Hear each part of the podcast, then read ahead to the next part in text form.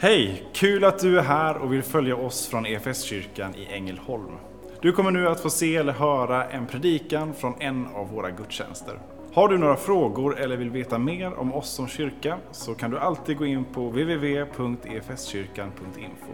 Vill du ha tillgång till mer undervisning eller ta del av våra inspelade konferenser eller gudstjänster gå gärna in på vår play-kanal efskyrkan.tv. Nu ska vi lyssna på denna veckas predikan. Andra söndagen i advent va? Mm. Har ni börjat med julmyset? Fy.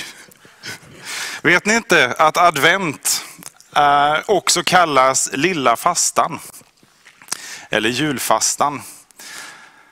Förberedelsetid, precis som den stora fastan eller påskfastan då inför påsk så är advent också en fastetid. Och vi firade ju här innan advents inträde så firade vi kyrkoårets slut med domsöndagen och blickar fram mot Jesu återkomst och den dag då, då Gud ska döma världen och döma ondskan. Och det är faktiskt så att de två första söndagarna i advent hänger kvar lite i domsöndagen, hänger ihop med domsöndagen. Och det som, som advent handlar om, att, eh, att sätta fokus på Herrens ankomst. Det handlar inte bara om ankomsten eh, vid julen och myset och det vackra och det ljusa och det fina eh, med att Gud blir människa. Det handlar också om att med allvar ha Jesu återkomst för ögonen. Därför att de hänger tätt samman. Så låt oss inte snuttifiera varken advent eller jul. För det här är sprängstoff.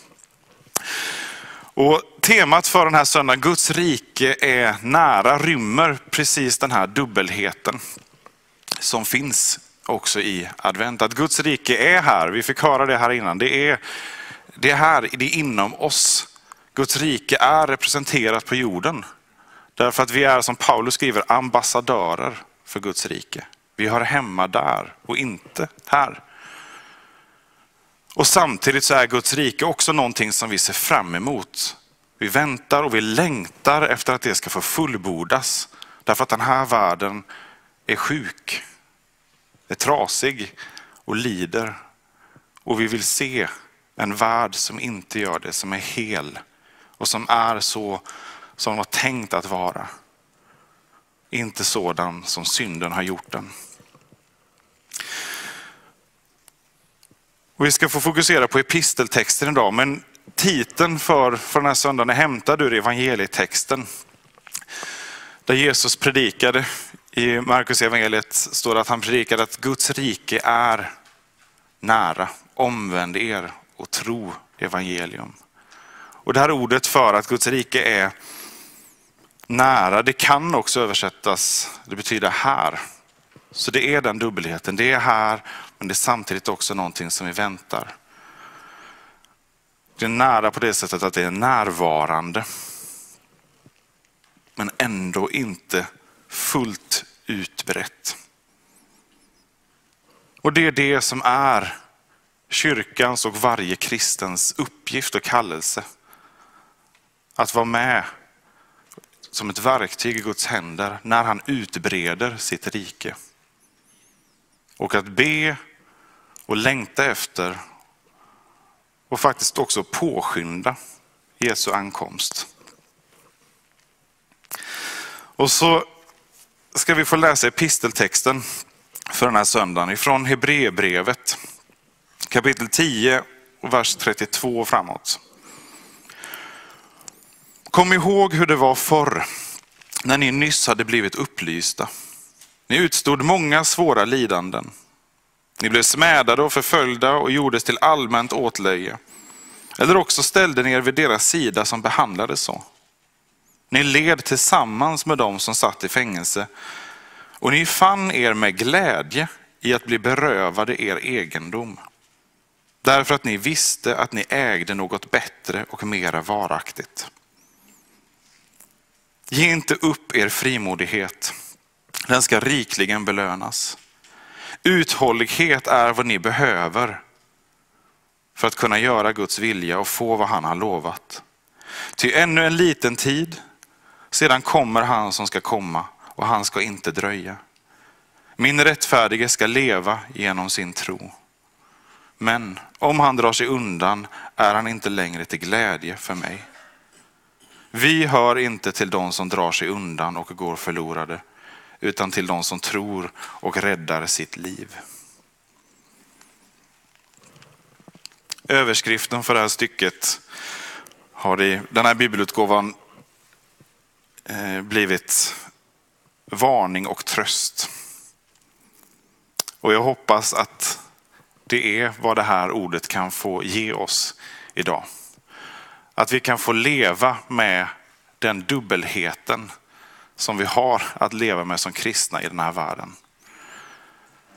Att vi gång på gång behöver bli varnade för allvaret i synden, allvaret i att dra sig undan Gud. Men också den fantastiska trösten att vi har en Gud som inte drar sig undan oss, utan som har kommit nära, som har blivit människa. Och jag hittade ett par u-ord i den här texten. Eh, och för att få, eh, få en bra minnesregel så fick jag skapa mig också ytterligare ett u-ord. Eh, så tre stycken ord, eller tre stycken saker som jag tror att, att Gud ger oss att vara, eller kallar oss att vara om man så vill. Som vi, som vi ser i den här texten som vi precis har läst. Det första ordet är det som, som kommer tidigt, upplysta. Sen tror jag också att det finns att vara utblottade. Och till slut också att vara uthålliga. Men här så skrivs det till en eh, församling. Vi vet inte säkert vem som har skrivit Hebreerbrevet. Eh, det är eh, lite omdiskuterat. Vi känner inte heller församlingen specifikt som andra brev som är skrivna till en församling på en ort och sådär. Men det här är skrivet till, eh, till en församling eller en gemenskap, eh, kanske utspridd, eh, bestående av till stor del judiska kristna, alltså Jesus troende judar. Därför brevet till hebreerna. Och det är skrivet inte så mycket i början av, av den första kyrkans tid, utan en bit in de kan blicka tillbaka, författaren uppmanar dem att blicka tillbaka på hur det var, vad ni har varit med om. Kom ihåg den tid då ni nyss hade blivit upplysta. Jag tror att det här är viktigt för oss att, att ta fasta på. Oavsett hur långt vi har kommit i vår vandring med Gud. Om det är så att du bara precis börjar ana att att Gud kallar på dig. Att det här med kristen tro kan vara något. Eller om du har gått tillsammans med Gud länge. Så just det här första när Gud får tag i hjärtat. Att hålla fast vid det. Och om vi inte har hållit fast vid det. Ta den här uppmaningen att minnas det. Och jag tror att vi ofta när vi gör det Eh, för den som har varit kristen ett tag och kan se tillbaka på hur det var när jag var nyomvänd och kan se det i ljuset av att jag är inte sån längre. Så tror jag vi har misstaget att, att tänka, det blir mycket känslor i det, för vi är ett väldigt känslosamhälle, en känslokultur. Jag tror inte att det är det som, som vi, vi är ute efter här. Alltså minns tillbaka på hur, hur härligt det kändes eller något sånt där. Utan se tillbaka på hur det var när ni var upplysta. För vad är det som händer när ett hjärta vänder sig till Gud? Jo, det är för att det hjärtat har fått ljus. Kunskap om att jag behöver Gud. Kunskap om att jag har i mitt liv synd som inte är till någonting gott, varken för mig eller för de människor omkring mig. Och det är det som skiljer mig från Gud. Den kunskapen kan vara väldigt levande för en nyomvände. Men kan med tiden bli lite suddig och lite dunkel för den som varit kristen länge.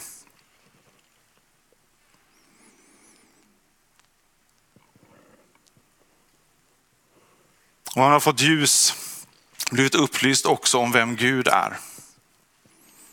En fascination över hur god Gud är. Som har besökt mig och som besöker oss, som har blivit människa. Som vill ha med oss att göra trots att vi som mänsklighet gång på gång har svikit honom. Vilken fantastisk Gud. Men så går åren och så börjar man ta det här för givet och för självklart. Jag menar att vi kan göra det också som kollektiv. Som kyrka i ett samhälle där vi har varit vana vid att det här är naturligt och någonting som, som präglar samhället och oss själva.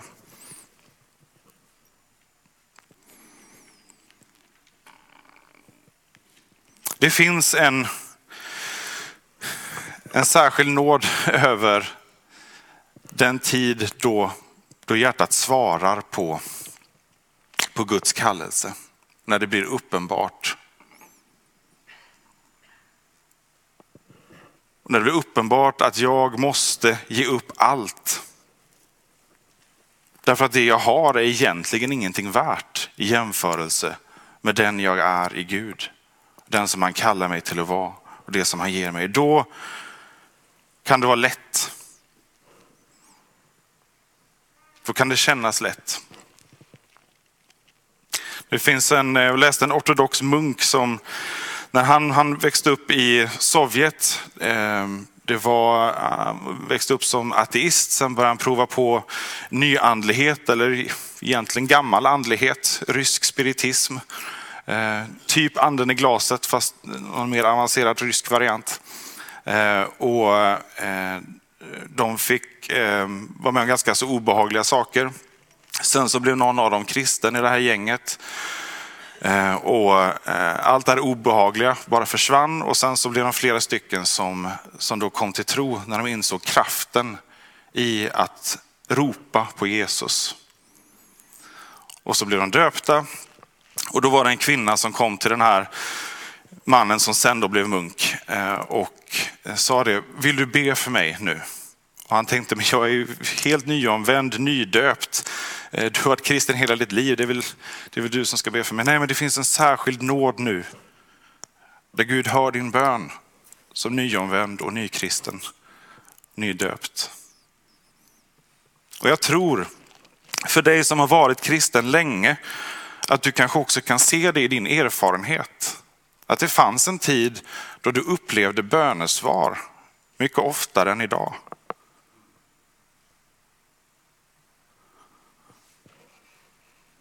Jag tror inte att vi ska eller kan göra någon lära av det här. Det är inte så matematiskt. Men den erfarenheten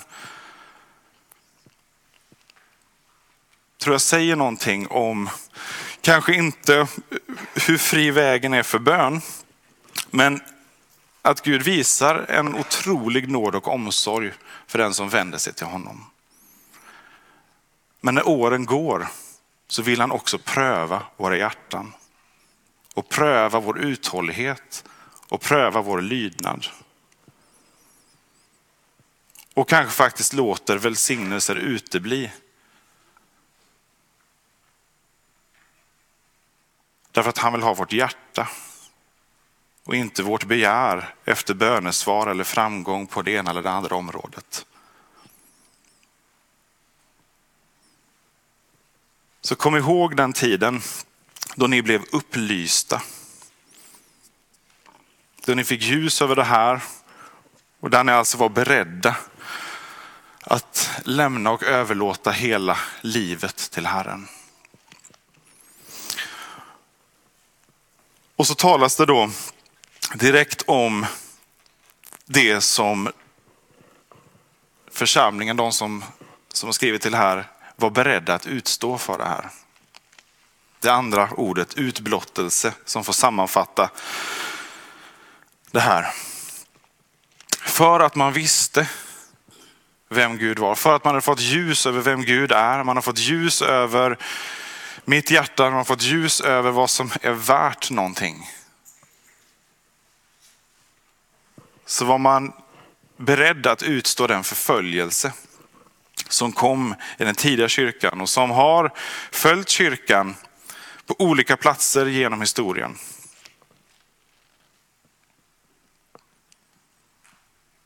Där Guds ord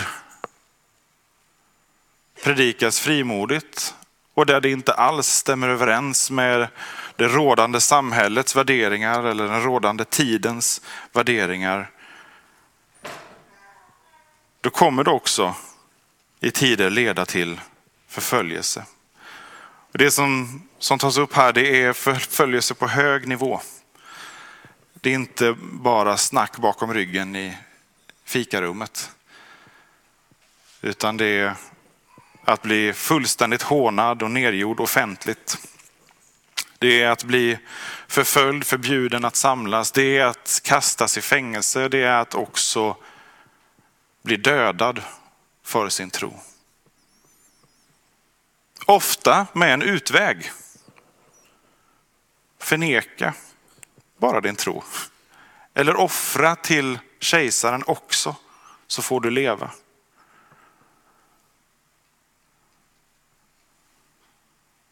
En del tog den vägen. Många tog den inte, utan höll fast vid sin tro och var beredda att utstå det lidandet. Socialt lidande, själsligt lidande, kroppsligt lidande. Där det också gick skiljelinjer rakt igenom familjer.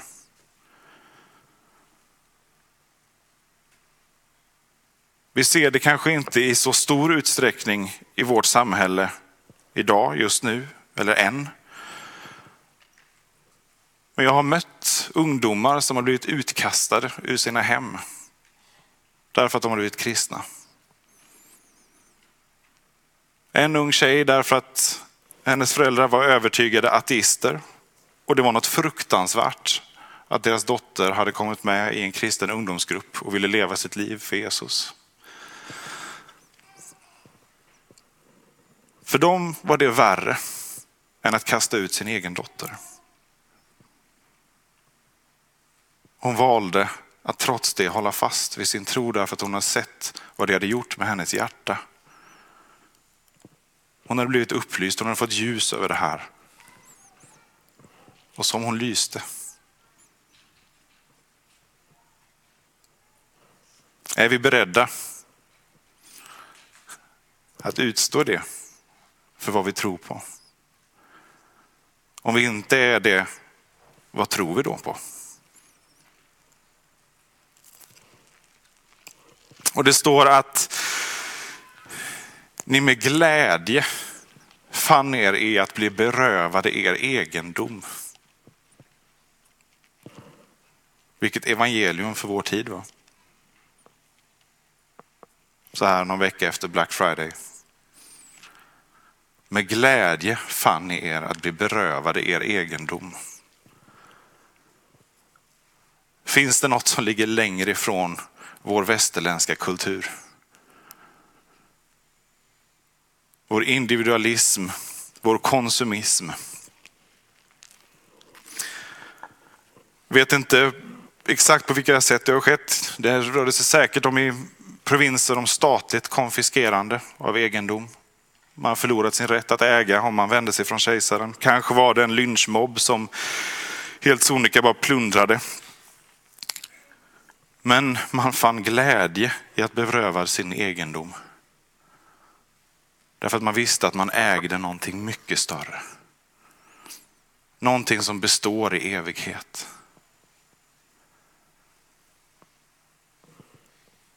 Nakna och utblottade föds vi in i den här världen och nakna och utblottade kommer vi lämna den.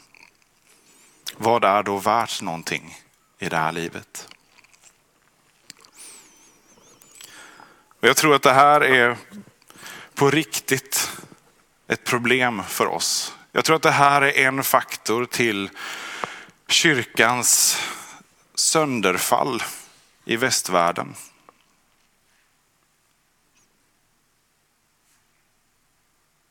Vi har blivit som den här världen snarare än att vi har varit med och format världen.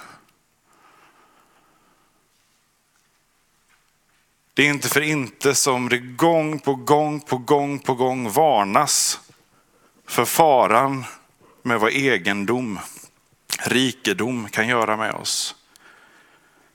Pengar är en rot till allt ont. Den rike mannen uppmanas att göra sig av med allt han äger, alltså att slänga ut sina avgudar. Jag träffade en man som Eh, från Nigeria som eh, eh, på en konferens en gång som hade blivit kristen därför att han hade hittat en bibel. Han hade blivit upplyst, han hade fått uppenbarelse över vad som är sant.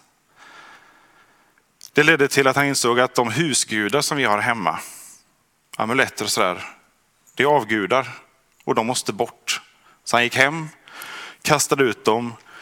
Hans familj, storfamilj, klan blev helt galna. Vad gör du? Vi kommer drabbas av mängder med förbannelser. Men han sa, nej det här är det jag måste göra. Jag måste lyda den enda guden och låta honom vara Gud.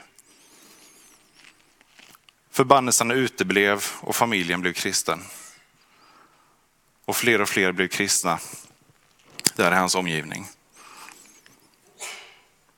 Är vi beredda att kasta ut de avgudar som vi har? Även om det rör upp. Även om det skapar oro i oss för konsekvenserna. Det är lätt att peka på konkret synd och sånt som jag vet är ont. Hur svårt det än kan vara att, att förhålla sig till det eller att också avstå det jag vet är ont. Men ännu mer bedrägligt är det som ligger i gränslandet som kanske inte är ont i sig själv men som blir som en avgud för mig. Och den avgud som jag håller kär, det är den som är den stora faran för mig.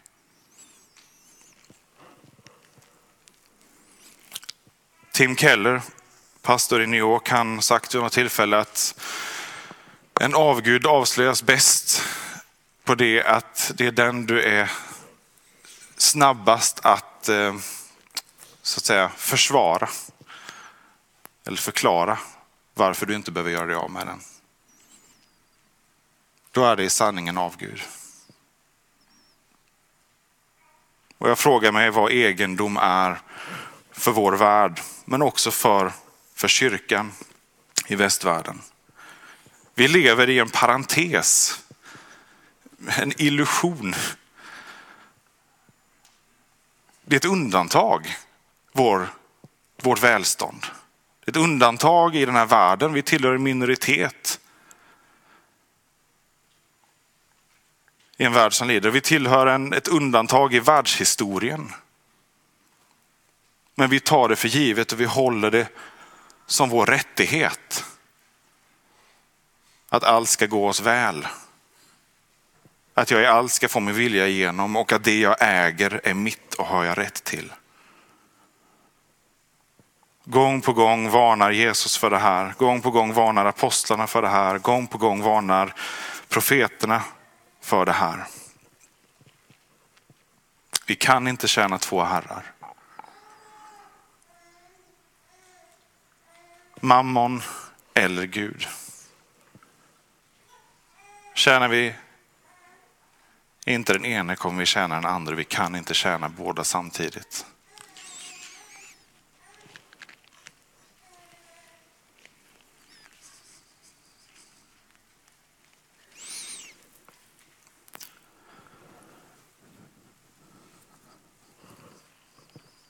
Skulle vi med glädje finna i oss att bli berövade all vår egendom. Räntekris, elkris, bostadskris sätter fingret på det. Och det prövar oss Och det är min bön att jag inte ska ätas upp av den oron, av upptagenheten kring det här. Därför att det är en illusion. I ett evighetsperspektiv är det mycket viktigare var jag har min själ. Vad det får för konsekvenser här och nu. Vem äger mitt liv? Och vem äger i så fall allt det jag tror mig äga? Vad jagar vi efter? Guds son vakade inte över sin rikedom, utan han blev människa. Föddes utblottad i smutsen. Under hela sin vandring på jorden så sökte han de utblottade.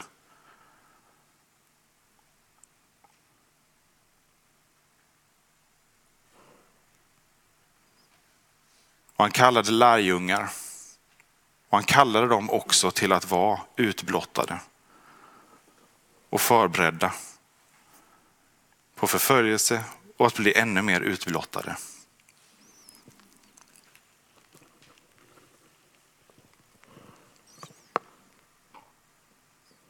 Är det ens möjligt för oss?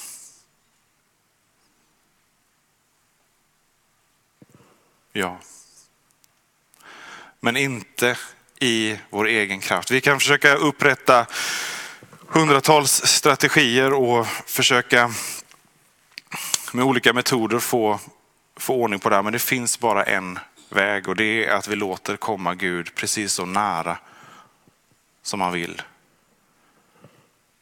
När han säger att Guds rike är här, Guds rike är inom er. Då är det en inbjudan för Guds rike att, för en inbjudan, för oss att låta Guds rike utbredas, inte bara i den här världen utan först låta det börja hos mig. Inte som en liten existentiell krydda i livspusslet och jagandet, utan som grunden och fundamentet för alla andra val jag gör. Att Guds rike får vara utbrett i mitt hjärta och prägla mina val, mina prioriteringar och vara grunden för hela min trygghet. Då har jag också modet att göra mig av med falska tryggheter. Då får jag också kraften att göra mig av med det som skymmer Gud. Som tar fokus, som tar kraft och som suger ut frimodigheten. Ge inte upp er frimodighet. Kasta inte bort er frimodighet, en annan översättning. Ni behöver vara uthålliga, den sista punkten. Ni behöver vara uthålliga. Inte det vore bra eller det är nice. Uthållighet är vad ni behöver. Alltså underförstått, det är ingenting som kommer automatiskt eller bara finns där på plats. Utan det är vad ni behöver.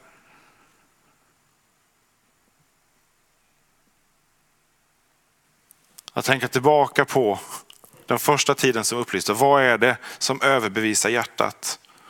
Vad händer när Guds ljus får komma över mig och avslöja de illusioner och lögner som jag har byggt min trygghet på? Att låta Gud pröva mig så att jag blir utblottad. Om du ber Gud om att komma nära så var du också beredd på att han tar det som en inbjudan på att rycka undan den falska tryggheten, de avgudar som har byggts upp.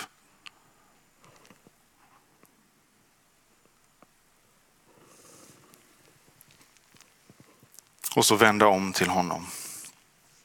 För att få uthållighet. Också kanske en av de svåraste sakerna för vår tid eller vår värld, uthållighet. Vi vill ha allting nu, genast. Instant gratification. Allting ska finnas inom räckhåll. Vi blir superupprörda om en vara saknas i butiken.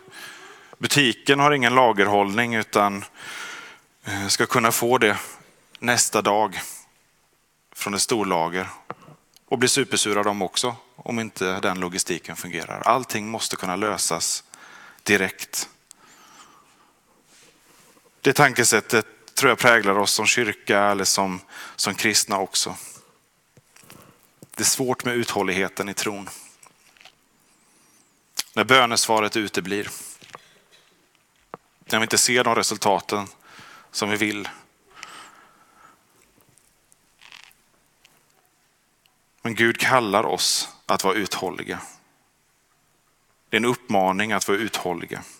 Uthålliga så att vi kan utföra det som han kallar oss att utföra.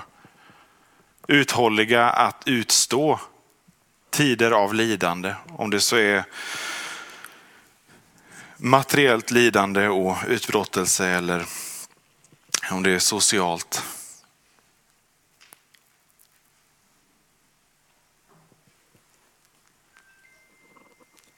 Och med ljuset som han vill ge oss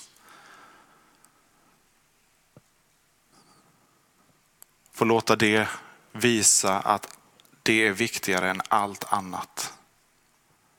Att vi i Jesus Kristus äger rättigheten att få kalla oss Guds barn.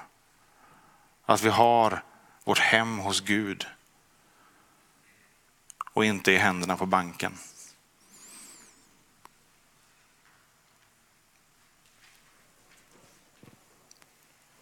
Och när vi läser det här, vad gör det med oss? Vad gör det med, med våra hjärtan? Under lång tid av att vaggas in i den här mentaliteten så tror jag också att den och den här bekvämligheten så infinner sig en, en likgiltighet.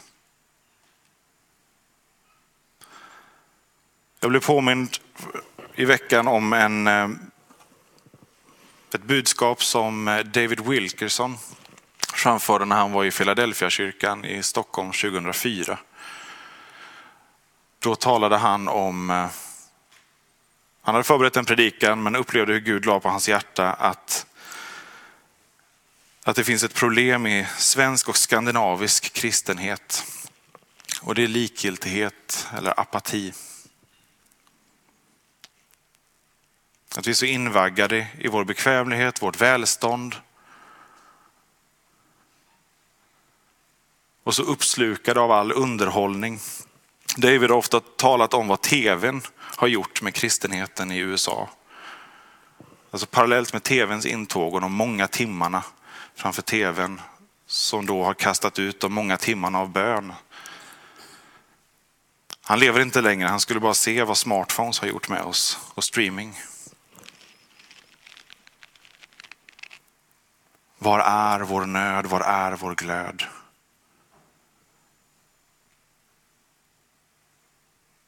Var är den? Var är vår nöd för den här världen?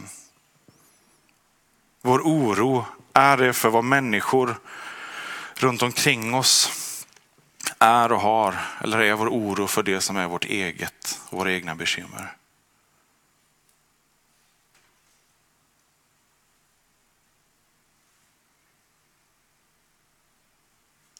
Jag tror att Gud vill upplysa oss på nytt. Jag tror att vi behöver vara beredda på att det också görs genom att vi blir utblottade. Och jag tror att det också kan ge oss uthållighet. Uthållighet kommer inte av en gudstjänst eller en insikt eller en förbönstund. Det är daglig vandring tillsammans med Gud.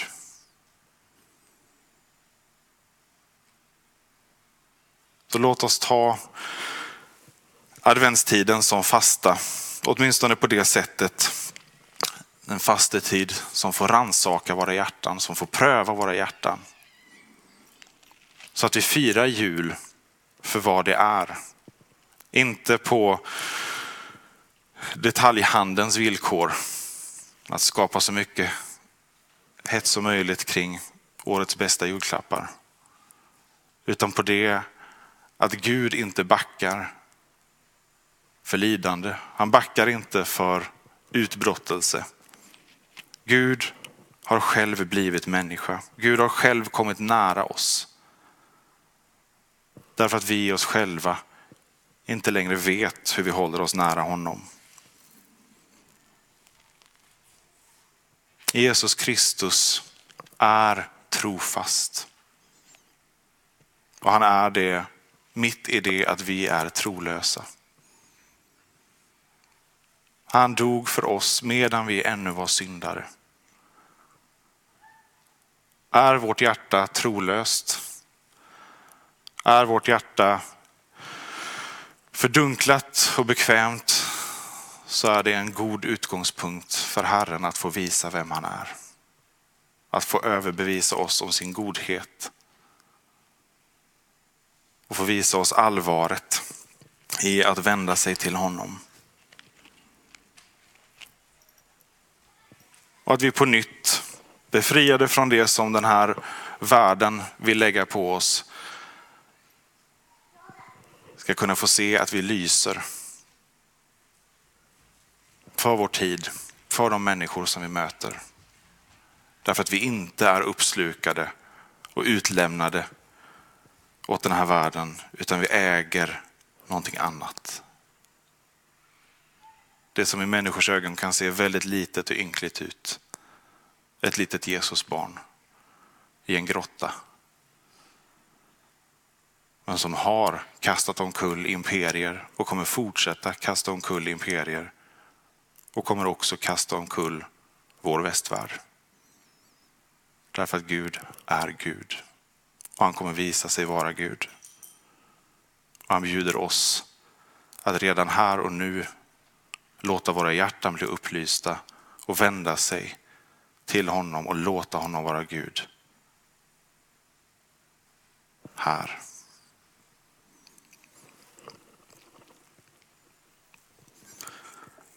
Nu har ni suttit och lyssnat länge. Ska vi ställa oss upp?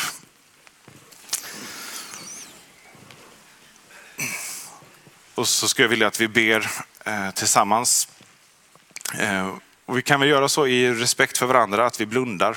Eh, och så ska jag be för oss allihop. Men eh, om det är så att du känner att särskilt att det här, det är någonting i det här eh, ordet i brevbrevet som har gripit tag i det och som har skapat en känsla av att jag har, jag har inte allt det här som, som jag vet att, att Gud kallar oss till här. Jag vill börja på nytt och jag vill att, att Guds rike ska få ta full plats. Eh, så blundar vi och så sträck fram dina händer i så fall och så vill jag be särskilt för, eh, för dig att få, att få se hur du kan bli upplyst på nytt och för Guds rike får, får ta plats på, på ett nytt sätt igen. Och tack Jesus för att du är god och nådefull. Och tack för att du har kommit till oss. Tack för att du är mitt ibland oss. Och tack för att du är trofast när vi är trolösa. Och tack för att vår trolöshet och vår synd vår uppgivenhet, vår apati, vad det än är, är inte ett hot när vi vänder oss till dig och lämnar det till dig, Herre. Alla försummade tillfällen, alla falska tryggheter, de vill vi bara lämna till dig Jesus. Och ber att du väcker oss på nytt Herre, att ber att du väcker, väcker oss väcker din kyrka i, i vår del av världen och skakar om oss, Herre. Att vi får ruska av oss det, eh, den slöjan eller täckelsen som, som skymmer vår blick, som kommer av allt vad den här världen är men som inte är från dig, Herre. Så kom och upplys våra hjärtan. och pröva oss. Vår tro och lydnad. Om det så måste ske genom utblottelse. Så ge oss tron genom din ande att vi har någonting som är så mycket större och som äger evig giltighet.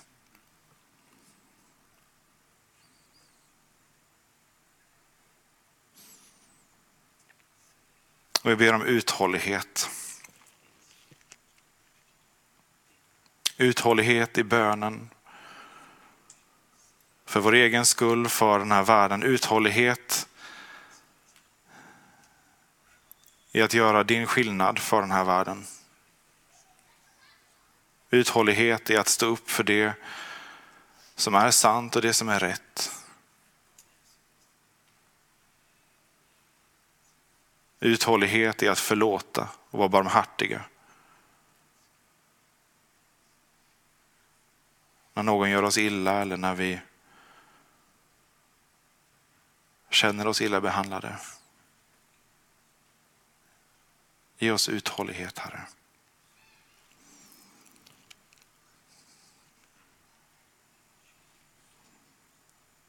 Tack för din godhet och tack för din nåd, Herre.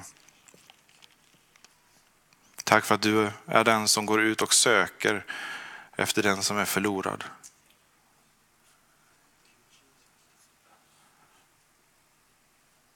Tack för att du inte föraktar ett förlorat hjärta, utan söker ett förlorat hjärta för att ge ljus och frid.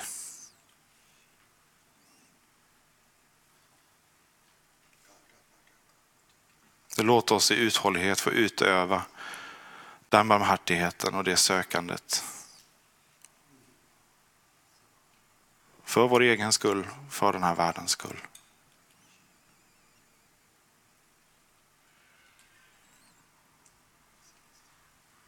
Kom helige Ande.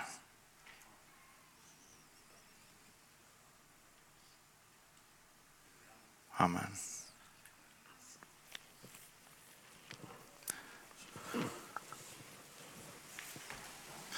Vi fortsätter med att sjunga tillsammans. Lyssna på orden i salmen som vi sjunger nu. En längtan efter att Jesus ska komma till oss. Eh, ta tillfället att uppsöka våra förebedjare eh, och att få, få bli buren i bön. Eh, ta möjligheten att tända ljus eller att skriva din bön på lapp där nere och lägg i, eh, i kruset så kommer vi också be för, för de bönerna här i veckan. Gud söker dig. Sök honom. Som kyrka är det en glädje att få spela en liten roll av allt Gud gör i och genom ditt liv. Vi vill gärna fortsätta följa dig på den resan. Och vill du ta reda på vad ditt nästa steg kan vara på din resa med Gud så gå in på efskyrkan.info nästa steg. Vår längtan är att få se människor och samhällen förvandlade av Jesus. Genom en kyrka som återspeglar Guds hjärta bär varandra och betjänar människor varhelst vi befinner oss varje dag.